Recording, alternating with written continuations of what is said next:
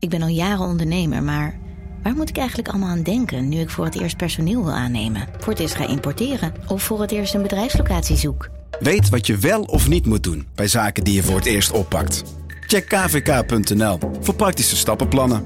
KVK, hou vast voor ondernemers. Al 125 jaar kwaliteit voor jou thuis met Miele. Dat vieren we met jou. Ontvang nu tijdelijk een cashback tot 125 euro op veel Miele-apparatuur. Geniet van de kwaliteit van Miele. Voor perfect verzorgd wasgoed en kleding die veel langer mooi blijft.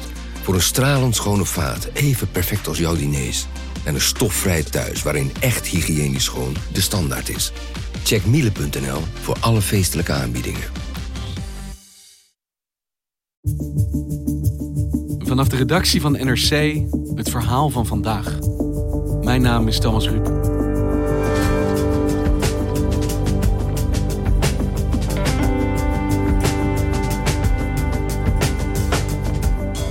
Bijna ging de staking niet door. Afgelopen week maakte het kabinet 460 miljoen euro extra vrij voor het onderwijs, na protesten door leraren. Maar een actieve actiegroep van jonge docenten zette door. Dit is niet genoeg, zeggen zij. De problemen in het onderwijs zijn te groot, te lang genegeerd en zo kunnen we niet verder.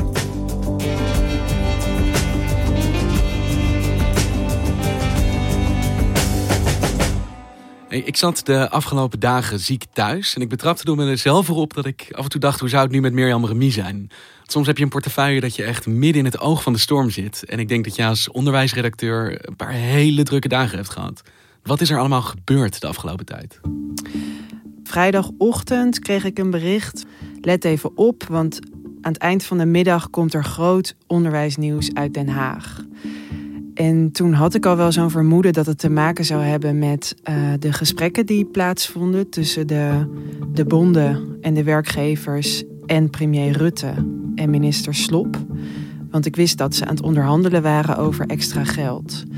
En vandaag wordt de onderwijsbegroting uh, besproken. En het lag wel in de lijn der verwachting dat er voor die tijd misschien iets naar buiten zou komen. En toen had de NOS om zes uur een, uh, kwam met een push-alert.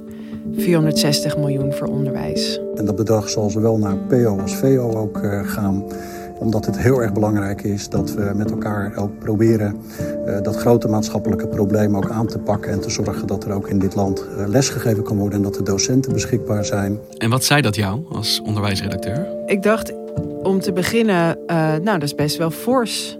Want de eis van de bonden en de werkgevers, de PO-raad, dat zijn dus de schoolbesturen, was een noodpakket van 423 en een half miljoen. Dus toen ik het bedrag zag, dacht ik, nou, dat hebben ze best goed gedaan. Dat is meer dan ze eigenlijk wilden hebben. En toen bleek waar het bedrag uit bestond. Uh, toen dacht ik, nou, het zou nog wel eens wat anders kunnen liggen. Waarom dacht je dat? Want 460 miljoen klinkt als een overwinning voor de leraren die meer geld krijgen, iets wat ze wilden. Ja, maar een heel groot deel van het geld is uh, eenmalig. Eigenlijk het grootste deel. Dus dat betekent, je kan daar niet de salarissen van verhogen, want dan, dat kan je één keer doen, maar dan heb je volgend jaar een probleem als schoolbestuur.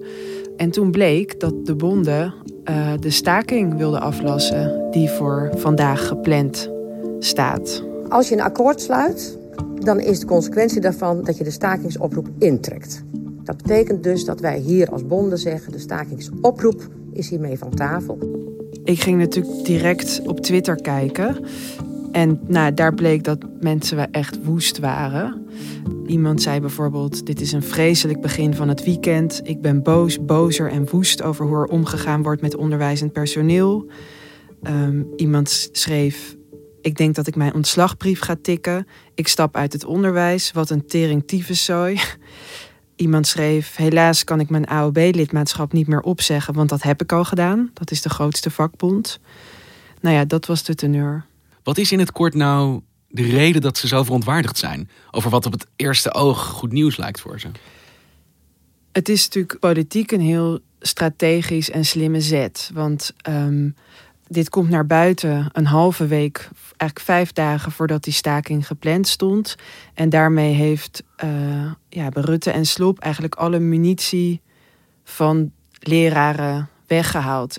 En wat hen ook heel erg kwaad maakte, is dat de uh, vakbonden hebben deze afspraken ondertekend zonder te raadplegen wat leraren er eigenlijk van vinden. En daarbij direct gezegd: oké, we trekken de staking in. De leraren zeiden eigenlijk al direct, uh, sommigen dan, van ik ga gewoon toch staken. En uh, de grootste onderwijsbond, de AOB, heeft zondag een crisisberaad gehouden van een paar uur. Met de verrassende uitkomst uh, dat ze toch gaan staken. En de voorzitter, Lisbeth Verheggen, die, uh, die is opgestapt. Dus je hebt je stuk vier keer moeten herschrijven. Wel staken, niet staken, wel geld, geen geld. Maar de uitkomst is vandaag wordt er gestaakt. Ja, vandaag wordt er gestaakt. En waar is deze onvrede onder leraren begonnen? Is er een startpunt aan te wijzen? Een heel duidelijk startpunt is te vinden in uh, februari 2017. Toen was er een leraar, Jan van de Ven. En die werkte op een uh, basisschool met asielzoekerskinderen in Venray. En die werd gevraagd uh, om te gaan werken voor een middelbare school met asielzoekerskinderen. Toen heb ik daar een paar gesprekken gehad, was ik ontzettend enthousiast over. Dus ik vroeg uiteindelijk van oké, hoe gaat het dan arbeidsvoorwaardelijk? En toen zeiden ze van, uh, nou dan moet je je loonstrook meenemen naar het uh, bestuursbureau. En dan word je ingeschaald op het naast hoger gelegen bedrag. En hij vertelde mij uh, hoe dat is gegaan, dat het hem zo verbaasde. En ja, dat hij toen onderzoek is gaan doen. Want hoe en, groot zijn die verschillen? Um, het salaris van leraren is best ingewikkeld opgebouwd. Je hebt allerlei schalen waar je in kan zitten. Um, maar als je net begint als basisschoolleraar, dan kun je in de laagste salarisschaal 2896 euro bruto verdienen. En dat is dan wel met vakantiegeld en toeslagen erbij. Dus het is niet helemaal representatief, want het is veel hoger dan wat je op je bankrekening ziet. En um, leraren in het voortgezet onderwijs die beginnen met 3000 euro 74 bruto. Dus dat verschil lijkt dan niet zo heel groot. Maar in het voortgezet onderwijs kun je doorgroeien tot 6289 euro bruto. En in het basisonderwijs is dat nou ja, zo'n 5300 euro bruto. Maar dat is dan alleen als je echt een ervaren leerkracht bent. Ja, maar zeg maar het hoogste niveau wat je kunt bereiken, zit er zeker 1000 euro per maand verschil tussen basisschool en voortgezet onderwijs. Ja. Ja, en daar schrok ik eigenlijk wel van hoe ver het uit elkaar lag. Het was ook verder niet onderhandelbaar. Dus toen heb ik dat uh, uh, opiniestuk geschreven. Want we zaten toen richting de Tweede Kamerverkiezingen. En die salariskloof tussen het primair onderwijs en het voortgezet onderwijs. Ja, die was echt op geen enkele manier terug te vinden uh, bij welke partij dan ook. Hij heeft toen een column geschreven uh, over dat salarisverschil in de Limburger. En zijn column is toen gedeeld op een uh, Facebookgroep. Die ongeveer rond die tijd was opgericht door een andere leerkracht, Paul de Brouwer. En zo heeft hij heel veel reacties gekregen en hij is heel veel gedeeld.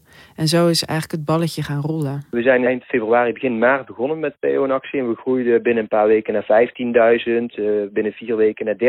Uh, dus waren we net zo groot als de grootste onderwijsbond in het primair onderwijs. Je had toen in maart de Tweede Kamerverkiezingen. En de eerste keer dat zij besloten naar buiten te treden... en echt met andere leraren ook in contact te komen... was uh, tijdens een Tweede Kamerdebat in mei 2017... Toen hebben ze een Facebook-event aangemaakt van... Nou, er is een debat over onderwijs in de Tweede Kamer. Wij gaan erheen. Wie sluit zich aan? Uiteindelijk kwamen daar zoveel aanmeldingen ook op... dat uh, de politie Den Haag al op een gegeven moment contact opnam... van, hé, hey, wat is precies jullie bedoeling? Want is het een manifestatie of wat dan ook? En wij hadden zoiets van, nee, we gaan gewoon naar het debat in overleg met de politie hebben ze gezegd van oké, dan kunnen jullie het beste bij uh, Spuiplein uh, bij elkaar komen. Uh, en we ontmoeten elkaar daar op het Spuitplein, wat helemaal leeg was. En op een gegeven moment kwamen echt uit alle hoeken en gaten uh, kwamen ineens leraren aangelopen. Stonden we met uh, ja, rond de 500 tot 700 leraren op het Spuitplein die uh, achter ons aan richting de Tweede Kamer marcheerden om daar debat bij te wonen. Aan de orde is het debat over de werkdruk in het basisonderwijs. Ik heet de mensen op de publieke tribune. Ik begreep mensen ook uit het onderwijs. Heel goed. Van harte welkom. En toen hadden ze eigenlijk nog een soort gelukje omdat uh, de staatssecretaris van Onderwijs, dat was toen Sander Dekker, daar een heel ongelukkige uitspraak deed. Die ja, een soort olie op hun vuur was. Uh, ik vind dat er argumenten zijn te geven voor ook wel verschillen in beloning. Dat heeft ook soms met zwaarte te maken. Je kijkt niet alleen maar naar de opleiding. Nee. Je kijkt niet alleen maar naar, verzoeken om, eh, naar de opleiding die die mensen hebben meegekregen. De verbazing en ook de walging rolde gewoon van de publieke tribune af. En de voorzitter die eh, reageerde daar toen ook meteen op van eh, of het wellicht de verontwaardiging voor onszelf zouden kunnen houden. Maar ja, je hoorde in haar stem ook volgens mij dat zij dacht van ja, dit kan niet wat je nu zegt. Maar soms is, eh, nou ja, als kinderen wat ouder zijn, is een klas met pubers is, eh, ook weer net wat anders. Nou, voordat u verder gaat. Ik begrijp heel goed dat de emoties hoog lopen soms. Maar het is ongebruikelijk dat u op enige wijze uw goedkeuring of afkeuring laat blijken. Dat zijn een beetje de regels in dit huis. Dus probeer u zich een beetje in te houden. Ik lijk wel een juffrouw. Voorzitter, eh, Het symboliseerde ook heel erg voor hen de onbegrepenheid eh, in Den Haag. En de basisschoolleraren waren, waren daarna eigenlijk echt overal te zien. Wat doe jij waardoor die werkdruk zo groot is? Is het alleen het lesgeven of praat je dan over andere zaken? Nou, de laatste eh 10, 15 jaar is er ook echt wel wat veranderd op school. Ehm, eh, de groepen zijn groter. Laten we beginnen met die salaris, geloof ik. Docenten in het middelbaar onderwijs verdienen veel meer, geloof ik. Hè?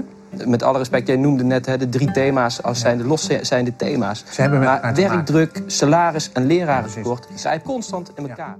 Want zou je voor mij eens kort uiteen kunnen zetten... wat is er nou zo mis volgens onder meer Jan van der Ven... en dus al die andere leerkrachten die zich bij hem aansloten?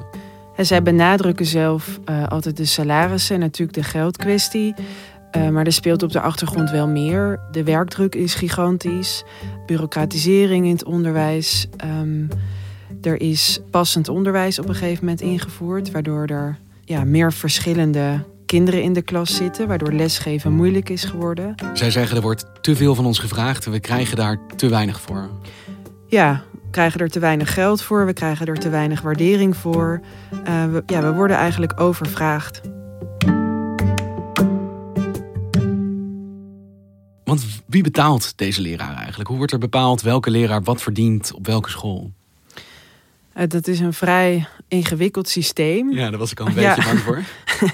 Maar ook weer helemaal niet. Je moet het zien, de overheid heeft één hele grote pot geld. Eh, laten we het even hebben over de basisscholen. En die eh, verdeelt dat onder alle schoolbesturen. En die mogen vervolgens zelf kiezen hoe ze dat geld verdelen. Dus ze kunnen zeggen, ehm, we geven wat meer geld aan de ene school. Want die heeft bijvoorbeeld heel veel leerlingen die ja, moeite hebben met de Nederlandse taal. Of we geven wat meer geld aan de andere school, want dat is een excellente school en die willen wij graag als ons visitekaartje hebben. Eh, de schoolbesturen mogen dat zelf bepalen. En die schoolbesturen die zeggen dan... we krijgen te weinig om dat goed te kunnen doen... over alle scholen die wij te betalen hebben. Je kunt het geld eigenlijk onderverdelen wat ze krijgen in een gedeelte voor salarissen en een gedeelte voor materiaal. En van elke 10 euro eh, is 8 euro voor salarissen en 2 euro is voor materiaal. En materiaal zijn bijvoorbeeld leermiddelen, eh, maar ook onderhoud aan het gebouw. eh, dingen die je nodig hebt om een school te kunnen runnen. En nu zeggen schoolbesturen, eh, het bedrag wat wij krijgen voor dat materiaal komt niet meer overeen met de werkelijke kosten. Dus soms gebruiken ze een gedeelte van de salarispot om hun materiële kosten te kunnen betalen. Want stel dat een keer het dak lekt, bijvoorbeeld, dan moet je dat gewoon oplossen. Dus dat gaat daar dus van af. En je hoort onder schoolbesturen dat het eigenlijk de hele tijd net te krap is. Dus nou ja, kaasschaven noemen ze dat. Dus kijken hoe kunnen we besparen. Kunnen we een warme truiendag houden en de verwarming een dag niet aanzetten. Dit is een ding? Dit, Dit, is een ding. Um, ik heb gehoord van een schoolbestuur dat op een gegeven moment besloot een uh, bijdrage te vragen voor de koffie. Um, er zijn kopieerprotocollen bijvoorbeeld. Um, Hoeveel kopietjes je mag maken als leerkracht? Ja. Allemaal om die kleine uitgaven te besparen. Om Allemaal te... om te besparen. En het ministerie zegt, ja, jullie redden het toch? En de prestaties zijn goed, dus wat is het probleem? En schoolbesturen zeggen, ja, we redden het inderdaad, maar we hebben ook geen andere keuze, want anders gaan we failliet. Nou, de andere kant is dat het ministerie zegt dat het bedrag per leerling al jaren stijgt. En op papier is dat ook gewoon inderdaad te zien. Dus het is een heel lastige discussie. Want welk bedrag is eigenlijk nodig uh, om goed onderwijs te geven? Wat verwachten we van scholen? Um, ja, wat hebben we daar als land voor over?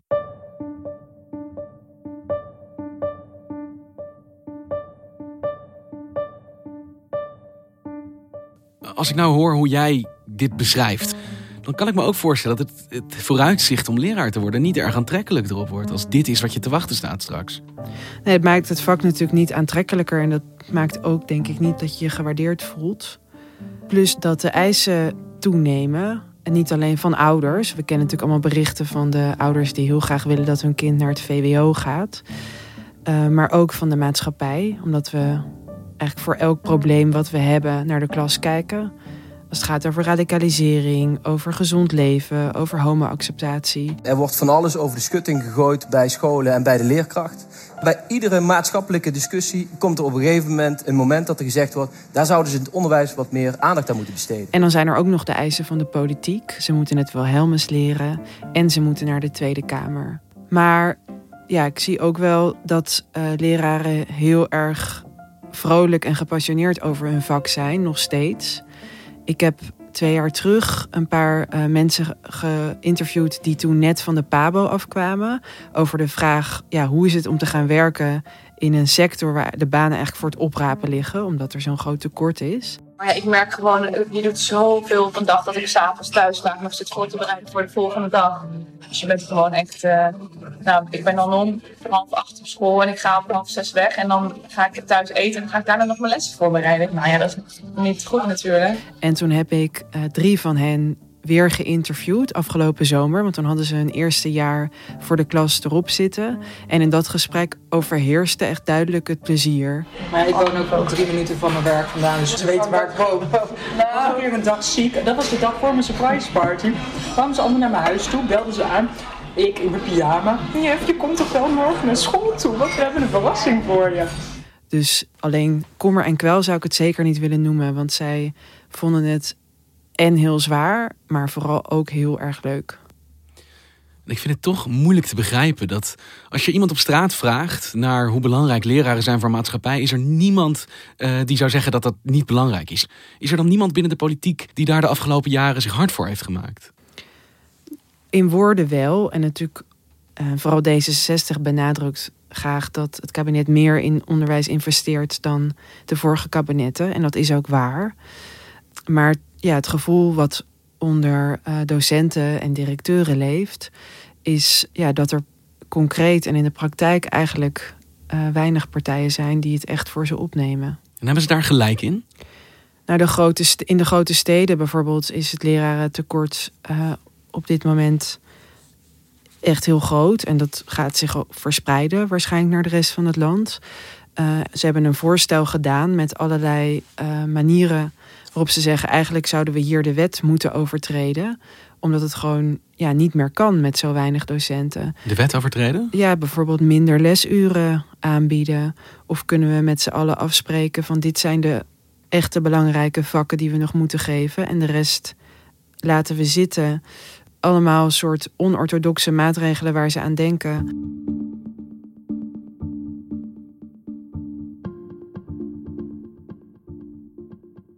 En die 460 miljoen die beloofd is, daar zijn de leraren het in ieder geval over eens. Dat gaat dit probleem niet oplossen. Dus wat hopen ze dan dat er vandaag gebeurt als die staking begint? Ja, ze willen dat die 460 miljoen een soort startschot is om structureel meer te investeren in onderwijs. Omdat ze zeggen, die 460 miljoen is een soort doekje voor het bloeden. En afgelopen vrijdag was je al verbaasd dat er überhaupt deze 460 miljoen beschikbaar werd gemaakt dan klinkt het voor mij alsof het niet heel waarschijnlijk is dat er vandaag heel veel toegegeven gaat worden. Of zie ik dat verkeerd? Nee, ik denk dat dit het, eh, dat dit het voorlopig was. En toch zijn die problemen die je beschrijft zo nijpend dat je toch afvraagt van waar is dan die oplossing? Van wie moet die gaan komen? Ja, inderdaad, het ministerie kan dit in zijn eentje eigenlijk niet oplossen. Schoolbesturen kunnen dat ook niet doen in een eentje. Scholen kunnen het niet. Uh, lerarenopleidingen kunnen het niet. Grote steden of kleine steden, in ieder geval gemeenten, kunnen het niet. En ik hoor ook wel nou ja, geluiden van schoolbesturen die zeggen: we moeten eigenlijk uh, niet alleen over onderwijs nadenken, maar we moeten ook met de zorg samen gaan zitten, met defensie, met politie, met al die sectoren waar de komende jaren gewoon veel te weinig mensen zijn. En we moeten gaan nadenken: ja, hoe richten we het systeem in in Nederland? Omdat het niet is vol te houden met het huidige aantal mensen wat we hebben in de sector, de manier waarop we het nu inrichten. En dankjewel Mirjam en heel veel succes in Den Haag vandaag. Dankjewel.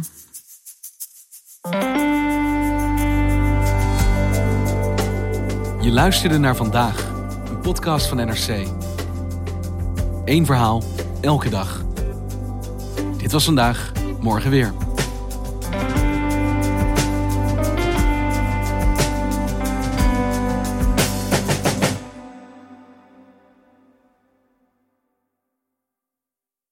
Technologie lijkt tegenwoordig het antwoord op iedere uitdaging. Bij PwC zien we dit anders. Als we de potentie van technologie willen benutten, kunnen we niet zonder een menselijk perspectief. Human-led, tech-powered noemen we dat. Ga naar pwc.nl.